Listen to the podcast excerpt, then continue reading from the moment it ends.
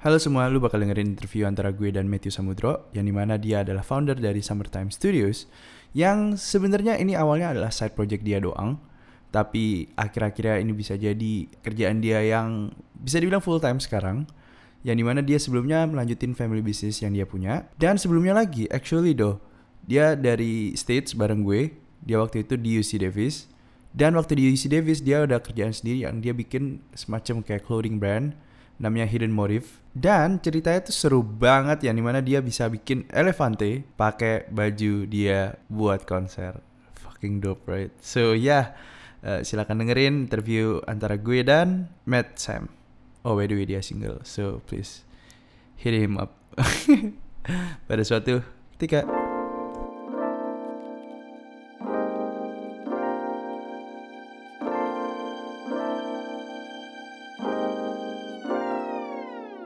foto something yang lu bisa lu habis fotoin orang lu kasih lihat mereka hasilnya mereka seneng kan? Jadi it's a, it's a something yang yang langsung terus lu kayak have this amazing feeling kan? Kayak wow lu bakalan dengerin podcast tapi lu nggak kenal gua. And that feeling is what I chase for. Lah ya. Hello everyone, welcome back to PSK pada suatu ketika episode sebenarnya gue nggak tahu ini episode berapa, tapi kali ini gue dapat guest yang menurut gue lumayan impactful, lumayan impactful. Dan gue gue jujur aja waktu dia accept request gue buat buat ke podcast bareng gue udah kayak anjir ini orang beneran accept gue men. Gila men. So yeah. Hello Matt Sam.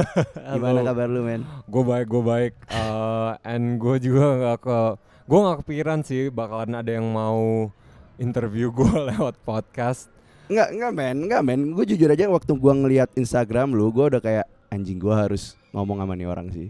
Instagram fucking dope. Instagram personal gue yang No, summer summertime. Oh summertime ya oke oke Is it- my my studio my film studio gitu ya yang photography Ya ya ya ya Yeah, ya yeah. So Matt, how are you doing, man? I'm good I'm good I'm good uh it's a pretty warm day sih hari ini Ya, kita lagi di di mana nih? Kis, di kisahku Kisahku Pasaraya. Ya. Pasaraya. Gue pengen coba tempat ini, apparently.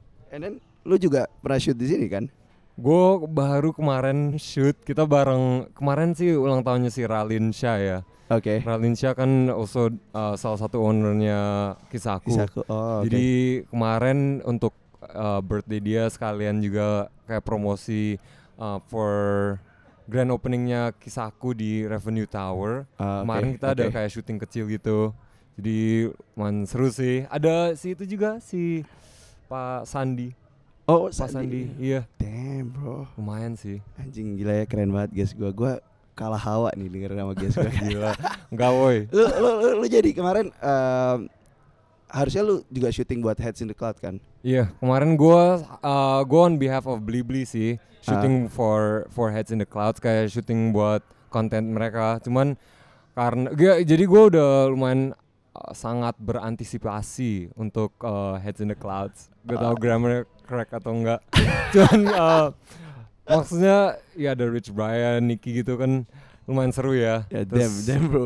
Gila Indo. Indo lu lumayan aneh gitu. lumayan beda sih actually. Oh iya? Iya men, lu lu di rumah ngomong bahasa Inggris terus ya? Inggris gue nggak pernah gue seumur hidup kayaknya ngomong bahasa Indo cuman sama sama orang orang pas pas lagi di US pas lagi di US gue tuh pertama kali kayak ngomong Indo segitu banyaknya Really? ya pas di US pas sama anak Foothill gitu pas hangout jadi gue sambil sambil orang tua gue kayak lu sekolah di US tapi kenapa Iya, lu belajar bahasa Indo lo nggak lo emang sekarang yang project lu sekarang nih lu nggak nggak ini teman-teman lo as in like your colleagues lu lu kerja oke oke eh, kasih gua gambaran what you're working on right now summer Oke oke, Summertime Studios ya. Iya, iya, Jadi iya. gue gue dulu pas di basically gue kasih background story deh. Oke, biar oke. lebih clear. Gue dulu pas di US gue belajar bisnis sama uh, textile design. textile Textile design pas di UC Davis. Oke. Jadi gue ambil communications uh, yang uh, mau lebih relate to marketing business gitu. Terus kalian ambil minor di textile design. Jadi gue mau masuk fashion gitu, gue demen fashion. oke Terus gue pas pulang dari US. Eh, gue pas di US, gue kan bikin clothing brand. Jadi What- what's the name ya? namanya Hidden Motives. Oh, Hidden Motives. Hidden Motives. Yeah, yeah, Iya, yeah, yeah. jadi really dope, dude. thanks man. Yeah, yeah, yeah. And then, and then. Jadi gue mulai clothing brand. Terus gue baru pertama kali itu kayak belajar entrepreneurship, uh, like bisnis sendiri, kerjain finance, uh, how tough it is, sekalian promosinya. Tapi seru sih, seru banget. Kayak lu ketemu banyak orang yang juga like minded. Terus lu bisa ya, yang paling keren menurut gue sih, kayak lu mau sponsor art- artis gitu, artis kecil yang getting big. Cuman most of the time kan ini artis someone that you're passionate about. Jadi ki- kita dikasih kayak backstage. Jadi for me itu keren banget, keren banget. Kayak kita ada kebanyakan sih EDM artis. Jadi uh, salah satunya kayak kita ketemu Elefante terus kita No way. backstage. Serius Elefante, ada ya. Elefante? Terus ada Manila Killa. Um, kita pernah lihat kita pernah lihat ada yang pernah snap ada Martin Garrix terus dia lagi pakai merch kita. No way, Yeah, no way, no way, yes, no way. wait. Cuman back then itu lumayan maksudnya kita juga lumayan young terus kan in the crowd of young people jadi kita very excited selalu excited lah jadi kita energinya juga high level tapi basically from uh, entrepreneurship gue kayak had this gue kayak belajar entrepreneurship itu seru banget kayak fulfilling. Lu lihat lu end to end lu Ah, bikin produk sampai customer lu juga yang pakai jadi menurut gue gue bisa lihat gue gue yang bi gue yang bikin customer gue seneng. Jadi kayak fulfilling banget gitu. Enggak, tapi yang yang gue masih penasaran yang tadi lu bilang lu bisa dapetin Elefante pakai merch lu. yes yes yes. How how how? Elefante ah Dude, I'm honestly, huge, huge fan of Elefante. sih. Elefante, Iya, really? Iya iya iya iya. Yeah, I'm surprised. Soalnya gak banyak orang Indo yang kenal dia. Kebanyakan sih orang yang bener-bener in the EDM scene Iya ya. iya iya kan Yang kita demen. berdua Iya, lumayan lumayan demen anak-anak ya. EDM ya ya ya ya ya ya. Jadi eh, untuk Elefante, honestly, I think lumayan cliche. Uh, maksudnya the word, the quote is lumayan cliche. Tapi I honestly think you just as long as you ask, itu there's no there's no harm in asking kan. True true true. Jadi kita what we did for our business, Hah. kita kan uh, kita lumayan gede di UC Davis. Untungnya kita ada banyak teman orang Indo yang support. Ha, Terus orang UC Davis, teman-teman gue yang A- uh, American born Chinese, terus uh, in the frat banyak banget yang support kita. Jadi lumayan well known di UC Davis. Jadi kita udah ada traction. Uh, kita ada salah satu famous DJ yang local namanya Yotep. Uh, dia s- uh, super supportive. Kita collab with dia bikin merch bareng dia. Terus kita kayak oke kalau we can get someone as famous as Yotep to wear our merch, why not we try other people too? Jadi what we did itu bener-bener kayak uh, kan adanya cold emails, cold call. Ya ya kita ya ya. cold ya. DM Instagram. Jadi lewat Instagram kita DM as much of our favorite artist. Oke. Jadi kita bener-bener kayak message semua orang. Kita like, hey, we're this merch company. We're just starting out. Kayak, would you be interested in wearing our merch? We'll just send something to you. Uh, so we literally just asked, and kayak Elefante was kayak he's such a nice guy kan. Ha. Jadi kita bener-bener just messaged him. Terus dia bilang, yeah, like I'll check it out. Just send it over. Uh, jadi kita bener-bener just Uh, which I think a lot of Indo brands kan sekarang lagi super popular kan streetwear. Honestly, just DM them. Kayak siapa tahu they'll respond. Like maybe out of 50, two respond. Cuman two is very good. Yeah kan, especially you get these uh, big name artists to wear it or someone that yang lu seneng lah. It, it gives you that driving energy. Like damn, someone that I really respect. Ya ya ya ya. They will wear it. wear it. Yeah, Oh so dia kayak perform a few. Uh, I still have I have photos of him performing with our long sleeves. Uh, jadi salah satunya he performed di UCLA itu kayak pakai our merch. Dia performs shows the around SF dia pakai our merch gitu. Jadi lumayan banyak. Jadi lewat dia kayak banyak orang lihat oh ini long sleeve-nya lumayan keren. Kayak why not we find out what brand this is. Jadi tiba-tiba ada banyak Ah. yang message us kayak eh gue lihat si Elefante pakai your long sleeves. Can I buy it? Can I pre-order it? Gimana gitu. Keren sih. Loh, tapi tapi kan nih before you went back to Indo kan. Iya ini before gue balik Indo. Nah, after you went back After gue balik, jadi sampai sekarang my so uh, with any business lah, I think um, this is like I guess the sad part of it lah. Oke. Uh, kita kan mulai January 2017. Oke. Itu traction was so good sampai 2019. Kayak kita we treat it as our full time, Oke. uh, full time, full time. Jadi every day kita kerjain, Hmm. design something new, do marketing. Uh, we go to events, bikin pop up. Terus abis gue balik ke Jakarta, kan partner gue orang US. Jadi dia yang kerjain. Tapi karena gue balik, uh, gue kan gak bisa dedicate full time juga. Terus dia juga kayaknya keberatan juga. Kita memang waktu itu di pas di US ada intern. Jadi kita ada five staff gitu yang bantuin Gila, kita. men. Jadi kita lumayan had it going. Cuman clothing brand kalau lu nggak give your full attention 24/7 itu Nggak susah ya, susah, susah, banget susah, kalau susah mau susah banget. successful ya. Haha. Tapi with any business the same. Ya lah. ya same. Jadi gue pas balik kita both decided kayak dia juga mau full time. Jadi sekarang dia ada used car dealership yang dia dia he's my age tapi dia udah ada used car dealership yang deal God with JDM damn. cars. Jadi in US kan JDM cars lumayan cheap lah ya. Kayak 5000 can get you Nissan 350Z. Ya ya ya ya ya ya ya. Jadi dia sekarang kerjaan itu, jadi dia bilang kayak why not we just make hidden motives like just a passion project on the side.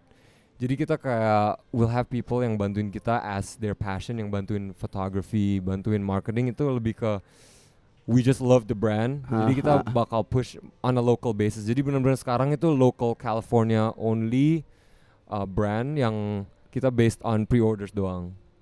Tapi masih jalan kan? Masih jalan, masih jalan, God masih damn, bro. jalan, masih jalan. Terus habis gitu lu transitionnya habis lu hidden motive.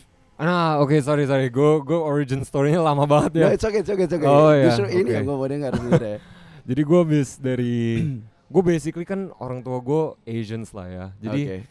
as Asian parents, ke- kebanyakan kita kan uh, our parents. Maksudnya no no no offense to any parents, uh, as in uh, we want their their kids to have something yang lebih stable job, Benar, stable benar, job. benar banget, Terus apalagi yang kalau bisa corporate gitu yang Ya, kelihatan lebih jelas, ya, ya, lebih jelas. lebih jelas. Terus pas ngomong kalau they talk to their friends kan, eh anak lu kerja di mana? Eh, Oh, iya, iya, anak iya, iya, di finance atau di mana gitu. Ya kan atau pasti corporate. bonyok lu kayak anak lu kerja di mana? Eh, buka toko baju. Makanya Iya, iya, iya, iya, susahnya iya, kayak iya, gitu iya, iya. buka brand baju terus, hah brand baju emang bisa jalan? Ya ya ya ya, bisa exactly. lu mau support family apalagi kan banyak banyak yang dari yang kalau ke US kan biasanya their parents itu punya company yang gede atau gimana kan company atau enggak yang bisa yang mampu untuk bisa send to the US juga nggak gampang, Gampang, kan true, true, gampang. true, jadi true. mereka maunya yang eh anak gua kerja yang yang at least lebih stabil yang gak usah kalau buka brand sendiri kalau buka bisnis kan wah setengah mati banget True, ya true, true. jadi kebanyakan ya mereka maunya ya ma- yang lebih gampang lah untuk their kids Nah, menurut gua ya menurut Hmm, gua hmm, hmm. waktu itu untungnya gua abis graduate gua apply ke banyak Banyak. banyak uh, offices around the world banyak corporate companies Oke. nah jadi gua salah satunya gua apply ke company di Singapore Oke, company apa tuh? Uh, namanya R7 Regal it's a private equity company Oh, private jadi equity. private Oke. equity uh, holding company di Singapore jadi it's corporate finance jadi gue kerjanya uh, gue di situ dua tahun gue kerja corporate finance It's like 9 to 5. It's wah 9 to 5 understatement sih menurut gue lebih ke 9 to 9 9 to 9 ya, ya, ya, terus uh, weekday weekends juga sometimes ada meetings. Really? ya so honestly gue lumayan jealous sih sama yang demen. Banyak yang demen banyak yang demen. Temen-temen kita kan banyak yang di corporate jobs kan. Terus mereka juga uh, they like it. They like it. They some actually like people like it. I think some people like it sih. Maksudnya yang kerja di yang big firms gitu yang It's like bakers Big baker- Four, yeah, the Big Morgan, Four, Stanley, Morgan Stanley BCG. ya BCG all these companies kan maksudnya it's very cool lah lu bisa dapat lu bisa kerja di situ, Situ, true, true. Me- banyak yang nggak suka terus banyak yang juga demen kan Nah, lu lu Gua- yang mana tuh waktu itu? gue sih nggak demen maksudnya learning curve-nya gue gue sangat grateful gue bisa dikasih kesempatan untuk kerja di situ belajar terus gue backgroundnya lebih ke gue lebih ke kreatif ya. Tapi gue bisa di guide sama mentor di situ. Uh, bos bos gue juga understanding kayak Haha. gue dari backgroundnya yang lebih ke arts arts kreatif gitu. Terus dia benar-benar kayak I want you to do well. Jadi I will push you, I'll push you a lot, which pas of course pas gue lagi kerja di situ gue bener-bener kayak tidak demen terus gue kayak ada like oh my god kayak gue tiap kali ketemu kayak nggak enak kan kan lu mah tiap hari di dimarahin terus di chase for for deadline cuman it's something yang gue bener-bener bener appreciate now now ya ya when you're out of it You learn something lah ya. I learn sure. a lot I learn a lot sure. kayak a lot yang gue bener-bener learn how to push myself more than anything terus push myself in something yang gue nggak demen especially. I think uh, I think every business finance is important lah. Jadi gue bener-bener appreciate her. Terus I know dealing with me juga nggak gampang kan ya. Apalagi yang yang nggak demen gitu terus disuruh suruh kerja I, I'm I'm grateful sih I'm grateful. Jadi abis abis lu dua tahun kerja lu ngerasa kayak fuck it. Yes, after gue kerja di situ kayak gue ngerasa kayak man ini menurut gue sih I want something yang gue gue kan gue udah di poison sama that job di US pas gue entrepreneur di Iya, US iya, iya. seeing that yang something the product of what I do itu bisa bikin someone happy yang Okay. what I do is someone is proud of it terus banyak yang juga hey man I love your stuff Oke, oke. No one yang pas kalau lu kerja di corporate finance, no one goes up to you terus say, "Hey man, I love what you're doing. I think it's great." No one, no one is like, no one says like, "Dude, like you," kayak, I when I walk around with your stuff, I'm, I'm people compliment uh, me. Iya, iya, iya, Kayak iya, gue iya. corporate finance, ya gue paling abis satu project selesai, ya udah on That's to the next, next one, one. on Yeah, to the next yeah. one. Terus, ya I mean you don't see the final end kan. okay Terus what are you oke. doing? You're you're you're making I mean it's nothing wrong, but you're basically kayak menurut gua and a lot of corporate jobs uh, you're you're making someone rich. True. True, right, true, right. true, true. Um jadi for me I wanted something yang bener-bener kayak I can impact, I can see someone else at the behind the scenes kayak happy gitu. Oke oke, lu lu pengen ngelihat you're actually impactful. Yes, yes, Iya, yes, iya, yes, iya, iya, yes, iya. yes, go Masa- impactful. Masa lu kayak lu corporate impactful apa? Ya, Iya, iya, iya. technically it's impactful lah, but you, you Yes. can't just Yeah. gitu aja kan? Ya, kalau maybe some corporate companies yang ada impactful social impact projects, maybe that Oh, lu mungkin bisa. gue gue gue pas gue pas di Singapore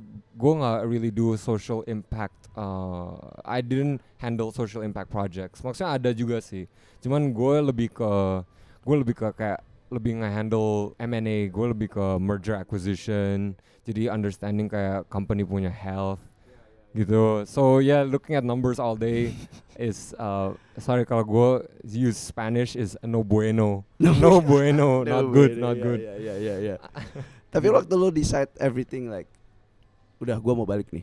Ini Nah. lo- itu lo kayak sudden realization or or what happened? honestly gue kayak I think kalau in in the in this kind of job gue at the first time gue pas masuk gue kayak oke gue I will think of this as a long term thing. Jadi gue kayak oke I'll work in here for at least three years lah. Oh, you already said gue like kayak three "I'll- years." maybe three years three to five years gue at the Okay. most. Terus abis itu I knew dari awal gue tuh mau buka bisnis sendiri. Cuman gue juga waktu itu belum tahu what business. Jadi why not? Uh, banyak yang bilang kan sebelum buka bisnis sendiri mending lu kerja untuk untuk orang orang lain kan. Biar lu juga belajar. Ya terus lu networking, ngerti, networking, ya, iya. ya, ya. Tapi gue pas abis dua tahun itu gue kayak I think gue udah lumayan belajar sih Gua udah, I know kayak there's never enough time to learn every day kan always a learning experience kan For sure. even even now gue kayak podcast ini gue kayak belajar dari lu lu cara interview orang lu cara No, man. bisa socialize itu ke- keren banget sih Thank you, thank you, man, thank you, Iya. man. Jadi lu tuh tapi lu kan berarti keluar tuh. Lu udah langsung bikin summer Timex nah gue or or you still working Awalnya- at your parents? Nah, uh, my dad kan kerjanya di bidang kopi. Dia uh, coffee industry, yes, ya. Ya that's why gue sering banget ke coffee shop kalau lihat Instagram story gue, gue selalu coffee shop ke mana gitu. Dia nge-handle coffee shop for uh, cafes buat Indonesia. Indonesia dia uh, distributor La Marzocco. No Yeah, yeah. way, your dad. Yeah, that's what he does. Uh, so Lamar Zoko. La Marzocco. This is La legit, Marzocco. bro. I'm, I'm, yeah, I wouldn't. It's so weird kalau gue lie on on, on your podcast. Oke, lu pada lu pada kalau nggak tahu Lamar Zoko mending lu pada eh, Google sekarang karena semua start Starbucks pakai lamar Joko nggak? Starbucks udah Starbucks enggak dulu a- a- Dulu lamar Zoko, kan? ada specialty shops ada yang pakai lamar Zoko cuman sekarang mereka udah so big mereka ada mesin sendiri Oh. Iya tapi lamar Zoko lebih ke specialty coffee shops lamar Joko sekarang berapa sih? Oke, eh gue nanya dikit ya. ah Gua boleh boleh boleh boleh Lamar Joko tuh eh yang paling kecilnya mesinnya tuh kalau nggak salah kayak how much was it?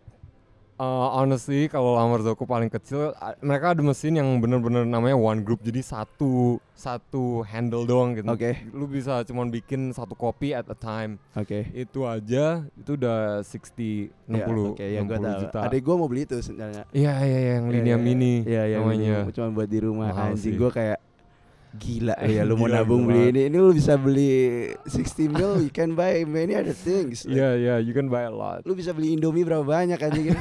gue kayak anjing 60 mil. Indomie. But lu emang suka espresso or Gue lebih gue manual? di depend sih manual brewing atau pakai mesin kan. Iya, gue iya.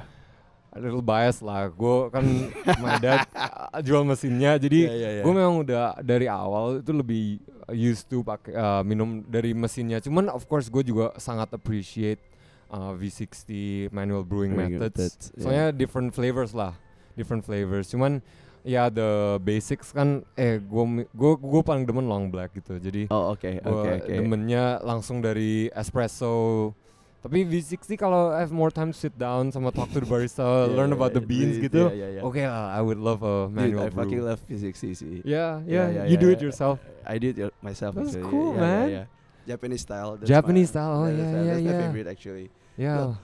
Jadi perksnya lu bokap lu punya eh, distributor lamar Joko, lu ada mesin lamar Joko dong di rumah. Honestly, surprisingly, because uh, office bokap gue lumayan deket sama rumah kan. Dia dia office-nya di Green Lake, terus gue juga di Puri, jadi lumayan deket lah, 20 Dekat, menit. dekat, ya ya ya.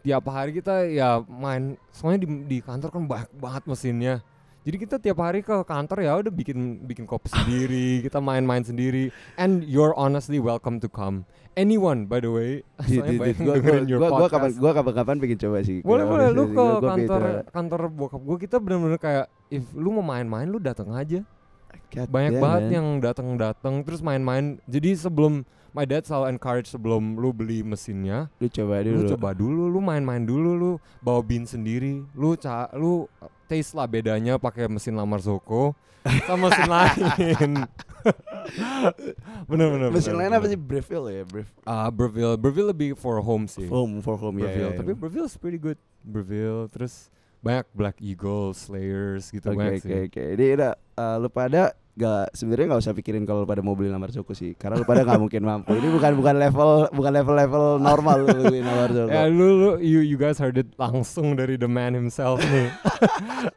Lamar Joko, man, that's really dope. Tapi lu jadi tetap lanjutin kerjaan ini, bantuin Jadi, bokap lu. Lu anak pas lu anak sendiri atau uh, gue ada sister, dia dia masih di US sih. Gue ada sister. oh the oldest one? Jadi I'm the oldest. Adek gue udah citizen di situ. Jadi dia jadi dia udah temen sih. Nggak tahu dia mungkin dia masih temennya semua orang Indo juga. Jadi dia kemungkinan mau balik sih. Tergantung dia. Tapi kita always give her the freedom. Oh that's good, that's good. bro.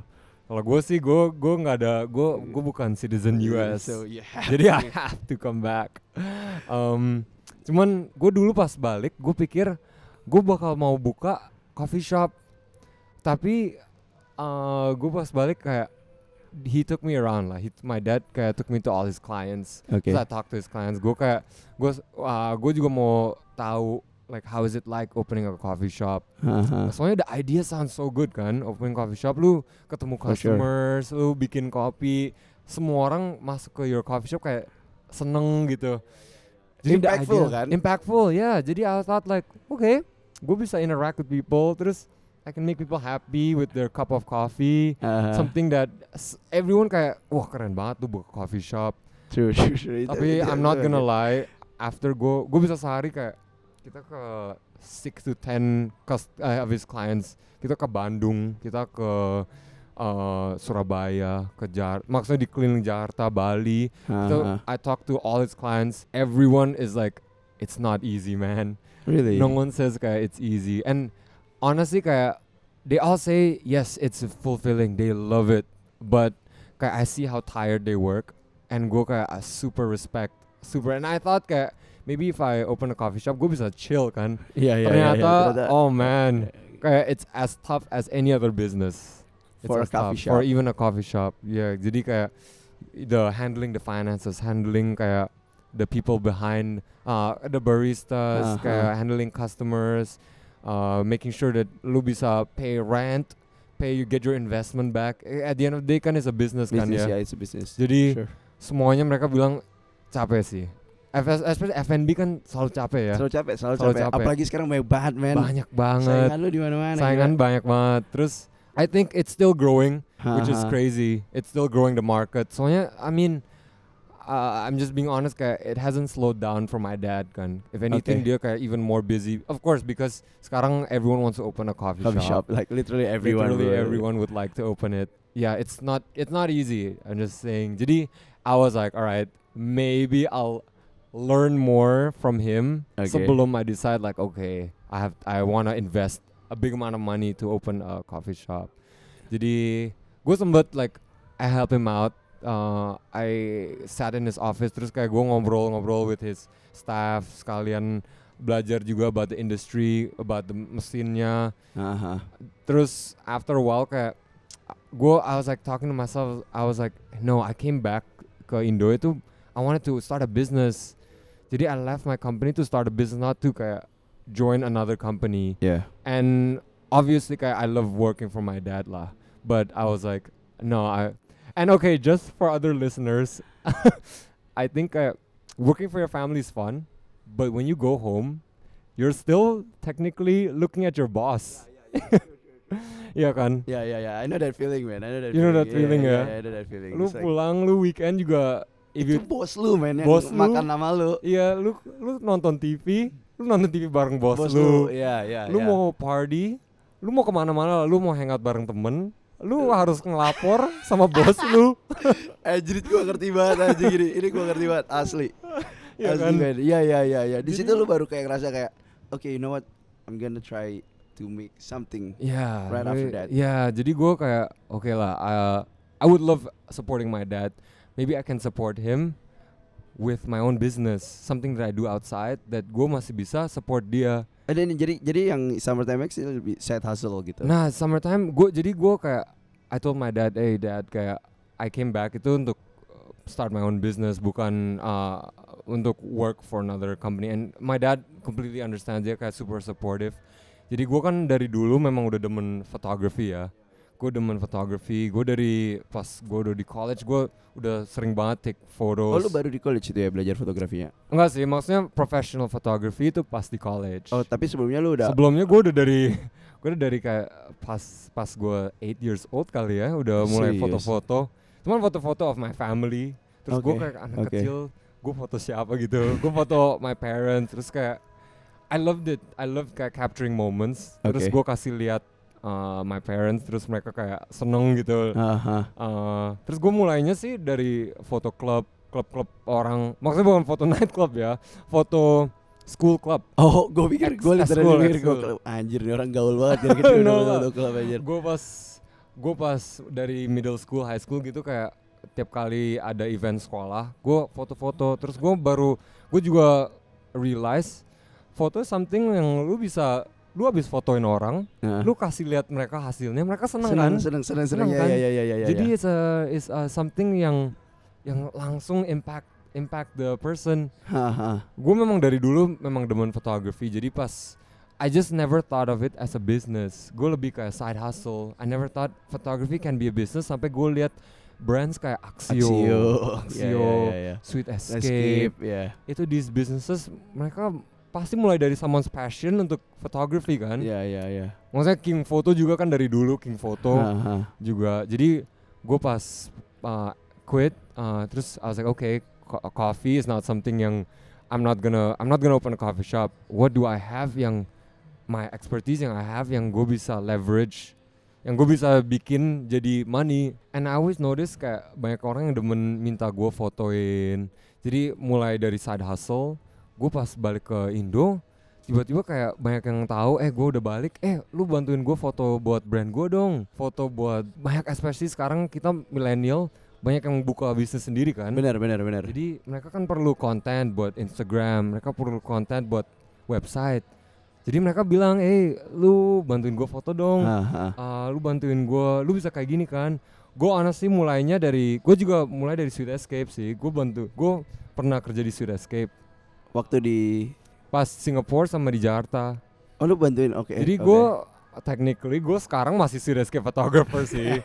Jadi um, kalau gue kayak for fun gitu, ada yang mau pre-wed atau mau foto family event, mau Oke. foto kondangan atau gimana. Jadi gue Masih masih, lanjut. Gue memang ya. demen banget foto sih. Jadi lu nggak cuman ngelihat karena oh ini udah Sweet Escape, gue udah ada sendiri, gue nggak mau gitu. Nah udah- ya, gue memang demen banget foto. Gue bisa kayak I don't mind gue seharian fot- foto. Terus honestly gue juga mulainya ya gue nggak minta dibayar awalnya friends. Terus kadang-kadang friends karena gue juga spend a lot of time ya lu foto seharian terus edit, Edit seharian. sekalian, iya, Mereka iya. juga bilang eh gue nggak enak lah, gue gue bayar lu lah, gue Oke. bayar lu. Jadi awalnya kayak gitu. Gue Oh. awalnya kayak gitu terus after a while gue juga pikir gue memang I was like oke gue mau buka company. Jadi this is the summertime studios uh, bener-bener how it started sih. Gue mulai foto-foto sendiri. Terus gue Ah. pikir wah kalau gue foto-foto sendiri melulu, gue gimana caranya grow the business. Uh, especially nanti gue harus busy with business development. Gue mau busy with the working the finance. Gue kalau di rumah siapa yang keluar foto? Bener. Jadi gue pikir the best way to do it is I think yang everything that uh, all of us have to understand is at the end of the day we're not ever going to be the best forever kan, Ya, ya, ya. right? Pasti Yeah. ada yang come in yang better than you, yang bakal yang younger than you, yang bisa more hungry than you, Bener. more bener. energy, yang bakalan bisa uh, interact with clients juga. Ha. Jadi gue mau bikin bisnis yang at the end of the day, of course gue gue demen foto, tapi I can also have other people yang bantuin gue. Oh, jadi sekarang udah ada yang bantuin nih. Jadi gue udah bantuin. Jadi Summertime Studios, kenapa gue nggak bikin Matt Samudro Photography? Itu karena gue juga mau other people bisa masuk in this brand. Terus mereka juga bisa like yes, gue kerja di Summertime Studios. Gue juga uh, this is my I want them to be proud of being in this company. Jadi gue nggak bikin Matthew famous. Gue make my brand that I'm passionate about. Itu juga I grow this brand. Uh, mereka come in and they're like, yeah, I'm not on behalf of Matthew. I'm on behalf of a company yang gue juga passionate about. Yeah. Damn, bro. So that's why gue nggak bikin Matt Samudra Photography. And honestly, gue I have nothing against people yang Yang ngelakuin grow their itu, own ya, brand. ya, of ya, course, ya, kayak ya, some ya. people want it to at the end of the day kayak I want to be yang always in front of the scenes yang Ha, take ha. photos.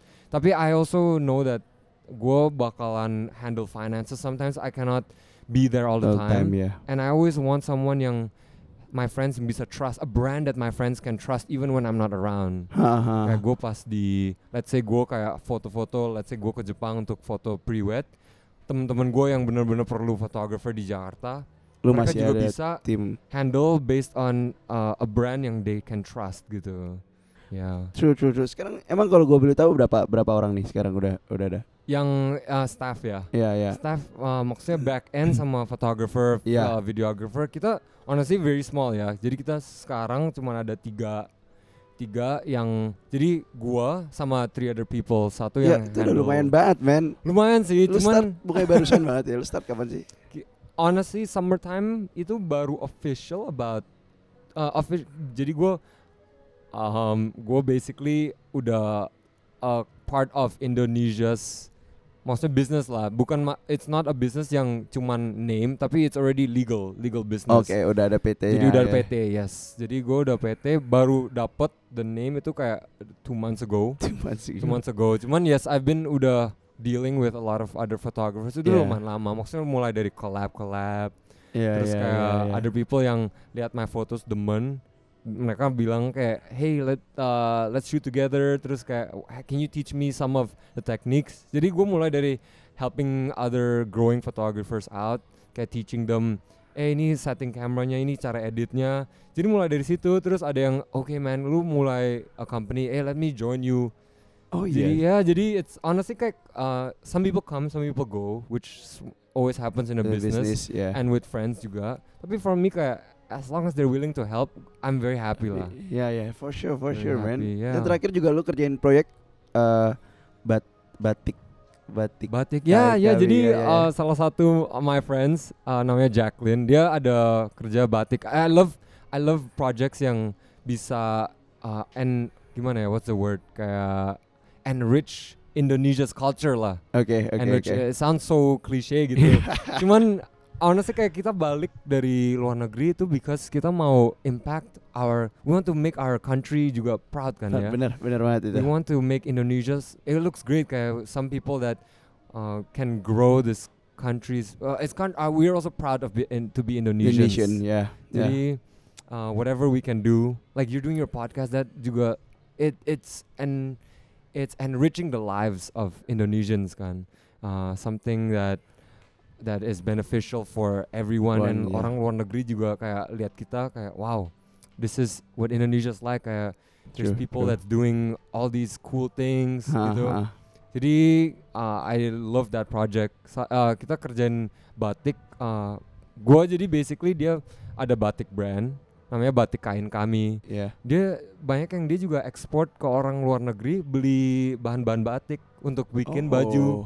Jadi dia juga bikin dia bikin baju sendiri, ada SKU sendiri. Terus dia juga orang dari Singapore, orang dari other places ke Jakarta. Terus mereka kayak, wow ini kain batik.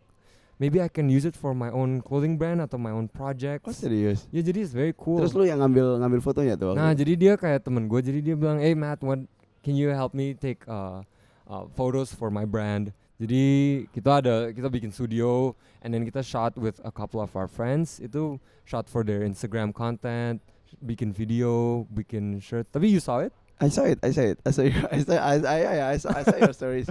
Hey man, that I really appreciate it sih. Yeah, no, because the thing is I also follow Jackie. ah yeah yeah Jackie yeah yeah, yeah. UC Davis kan. UC Davis yes yes si Jackie. Oh my god, terus lu Yeah. yang Empire tuh juga Yeah. proyek lu juga. Yes, yes. So yes, I shoot for Empire juga. I Oh didn't know, God. so I, I'm so glad that you know all the things going on. oh, you do a lot of research and then Iya, you do iya, a lot, iya, yeah. iya. harus Keren dong, gua harus tahu keren. dong kayak kayak Matt ngapain aja. ya. Makanya waktu gua ngeliat lu udah tiba-tiba kami Empire and then you make your own business yang Business. yang summertime ini gua kayak anjing he's living his life yo. This is like this is like, like this is like your passion kan. Yes, it is my passion, and gue bener-bener kayak I I I've been you know a lot of people say when they start a business it's very tough, and I do say it's tough, but gue bener-bener enjoy every moment lah, which is the best thing when you do something you're passionate about. Hmm. you just enjoy it a lot. Like like I'm sure you enjoy making your podcast. podcast. Yeah, yeah, yeah. I actually do though. Yeah. Oke, oke, oke, cool, cool. So, uh, Matt, ini udah hampir 40 minutes. Okay, wow, Yeah, didn't yeah. even feel ya. Uh, gua gua ada satu pertanyaan terakhir sih actually uh, Oke. buat lo yang yang ini rada klise sih. Cuman Oke, maksud oke. gua uh, banyak yang nanya ke gua pertanyaan ini. Ah, oke. Lu kan actually lu coba lu, lu coba hidden motive and then you Yeah. went to corporate private equity firm Yeah. kan. And then abis gitu lu coba sedikit coba ke bokap lu. Ah, yes. Terus yes. habis gitu lu share-share lu akhirnya jam ke passion lu lagi kan. Yes. Yes. Titik di mana gue pengen lu share kayak titik lu ada kayak mungkin lebih ke arah kayak pesan buat orang-orang Hmm, oke. waktu lu gimana caranya waktu lu jam ke passion lu lu pasti itu menurut gua gak gampang maksud Yes. gua kayak buat yes, yes, pasti. sekarang summertime udah full time kan Gue udah full time, udah Ya, full time. makanya kayak kadang kan itu nggak gampang gue yakin banyak banyak banget uh, considerationnya waktu Pasti, lu pasti, bilang kayak oke this is my full time Yes, yes. itu yes. itu lu lu gimana tuh mikirnya waktu itu what's Ah. apa apa pertimbangannya waktu itu what's Wah, your I, I love that question sih. Kayak not many people yang pernah nanya gue sih. Maksudnya Yeah. banyak yang nanya about the business, cuman gak banyak yang nanya about the jump, which is very cool. maksud gue kayak jamnya itu yang yang mahal Yes, that's that's yeah, the most difficult yang part yang hard yang yang ya. hard ya Ya, maksudnya coming dari I think honestly what menurut gue ya something yang a lot of people do sebelum their jump itu kan is very scary. Lu dari something yang stabil, yang lu udah tahu, oke ini bakal gue tiap hari ada gue gue dibayar tiap hari. Terus gue tiap hari ada income. uh, gue bisa maksudnya gue nggak usah worry about uh, kalau besok gue tiba-tiba gak ada klien kalau lu kerja di full time corporate job kan lu tiap hari ada pasti ada, ada, pasti ada. pasti Ya, lu dibayar kan Benar, as long true, as true. lu perform lah ya Ya, true. Um, tapi menurut gue ya untuk untuk gue sendiri untuk gue Ah, sendiri gue pas di Singapore itu gue kan belajar finance juga jadi gue if I were to talk about practical sense of reality of gimana gue able to jump right now kita kan masih muda anak-anak muda Yeah. millennials Yeah, kita yeah. belum ada keluarga Bener. belum ya gue masih single ya jadi Oh. gue gue juga gak ada pacar at this time jadi oh, guys, guys, guys, hit him up, no no no jadi um, please. jadi This actually pretty dope, yo, guys. Ntar gua gua plug in Instagram lu ya. Oke. wow oke thank you thank you aduh Oke, oke, jadi gue basically dari right now pas kita millennials kita belum ada responsibilities yang so big yang gue belum harus pikir wah kalau gue dari full time job ke uh, ke pursue passion gue gue tuh anak gue bakalan gak bakalan bisa makan atau enggak? Ya, istri ya, gua ya, ya, gimana? terus uh, kita untungnya right now ya gue belum ada ya responsibilities yang so big yang gue bakal oke gue kalau besok quit gue nggak bakalan bisa makan gak bisa kayak gini.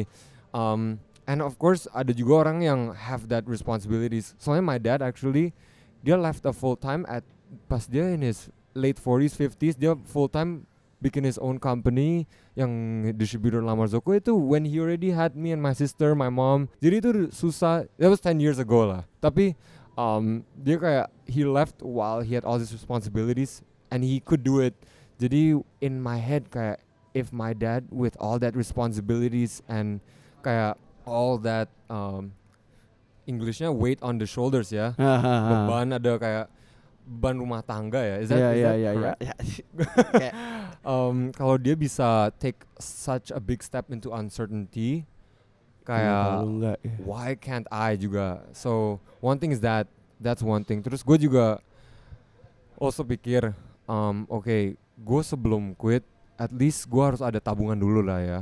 Gue harus ada lu actually jadi gue up. save jadi gue save up. Wow, jadi wow. maksudnya gue nggak kayak a week before gue quit gue kayak oke gue mau start a business. Atau gue nggak tiba-tiba like I'm gonna quit next month. Gue kayak I give myself gue udah tahu that I'm gonna quit itu kayak probably three months before gue quit lah. Oh, jadi udah kayak- gue udah kinda prepare gue udah kayak oke gue these next three months gue nggak bisa foya-foya lah gue nggak Oke, bisa Oke. gue harus think to myself gue bakalan quit terus gue harus at least have tabungan biar gue bisa makan, Makan, kan ya, ya, ya.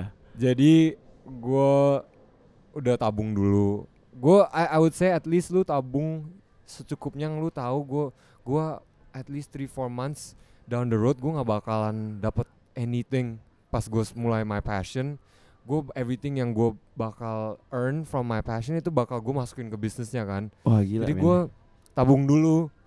Gue tabung. Jadi pas gue quit gue kayak oke at least gue udah ada ini. Gue untuk right now gue bisa comfortable untuk start my full uh, full time in my passion itu ah. at least gue udah ada something yang gue bisa fall back to. Ah, ah, ya jadi gue udah ada money yang if gue perlu sangat perlu gue bisa at least I can use it. Hah. kalau gue have any emergency atau apa. Jadi I would say don't quit itu tiba-tiba without anything. Lu jangan tiba-tiba like no planning. Jadi sebelum lu mulai any business banyak planning dulu kan. Oke. jadi if you can like sebelum gue quit dari full time gue gue udah ada planning on weekend. Gue kayak plan oke gue pas quit gue udah ada klien gak gue bisa ada marketing gak gue bisa tahu at least um, how much how gue bisa can I support myself lah Ya, ya, ya. can this sure. business be good jadi for example kalau clothing brand ya sebelum lu leave your full time kalau lu mau bikin clothing brand at least lu udah have a supplier dulu supplier baju Siapa? siapa siapa yang bisa sablonin Lonin, benar-benar. terus lu kalau lu mau uh, lu kasih tahu temen-temen lu dulu eh by the way gue bakalan mau buka clothing brand, brand, lu ya, nanti ya, support ya. ya Oke.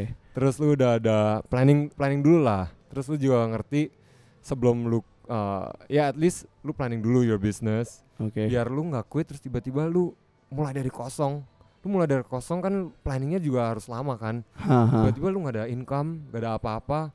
Lu mau mulai planning no no anything. Susah juga. Tiba-tiba lu lima lima bulan belum launch business. Bisnisnya, ya. jadi lu at least lu sebelum quit lu udah ada planning oke gue bakal launch three months down. Gue bakal launch kayak gini. Jadi at least have something dulu lah. Menurut gue that's my advice lah. Terus uh, uncertainty menurut gue everyone pasti ada uncertainty. Lu honestly lu full time job at Mhm. any moment lu juga bisa di ya ya ya ya. True, anytime kalau um, kalau the country kan negara if there's any conflict lu pasti affected. kemungkinan affected. Terus kalau ada bencana bisa affected. Company shut down. Sometimes lu juga not your performance. Lu kerja ker- you do your best in your job. Haha. tapi your company ada some something that happen. Tiba-tiba lu bisa out of a You're job. out. Ya, yeah, ya, so ya. for me everything in life itu the someone wise told me ya. Uh, I'm using English. The only certain thing in life is that everything is uncertain which I totally agree at anything anything can happen anytime. Jadi for me it's uh, for for young people at least lah ya Haha. while you don't have a lot of responsibilities while you're you're you're still young and energetic gitu why not pursue something yang you are happy about yang you are passionate about? Yeah jadi for me was the, knowing all this all this like having all these plans knowing that anything is uncertain everything's uncertain kayak I decided kayak okay you know what kayak it's my time where I it's all I I want to do something in my life that I know I will love. kayak and why not do it now kayak you keep waiting it off kayak keep pushing it. When is it gonna happen unless you take that big leap which I think is very difficult but at least lu have uh, all these small things that you think about and plan. That way the leap isn't as big Mulainya dari kecil-kecil. mulai dari kecil-kecil lah you mulai uh, at first you know you ask your friends like if I do this kayak will it work will it work Biar lu dapat courage-nya juga kan. Courage, Kayak- yes, kayak- yes. kayak- And kayak- kayak- I cannot uh, I cannot emphasize how much how important support is lah. Ya, ya. Support dari True. friends, support dari family. Kayak for me the people who can do this without support itu yang crazy. But Ya, for me, ya, ya. I mean I have like maksudnya I'm talking to you and you super supportive even now like uh, very supportive. Eh, all friends having good friends itu Hah. sangat sangat penting. Iya, friends iya, yang bakal iya. support for sure, you. Man, for sure, man. Gue juga sering kayak podcast gue kayak tiba-tiba random people gitu datang. Eh gue dengerin podcast lu, gue kayak ngerasa anjing men, thank you Yeah, banget. Man. yeah, gue yeah, yeah. nggak nyangka kalau lu dengerin podcast gue. Terus lu kayak have this amazing feeling kan? Iya, iya, Kayak, wow, exactly, bro. lu Like- bakalan dengerin podcast tapi lu nggak kenal gua. Iya, iya, iya.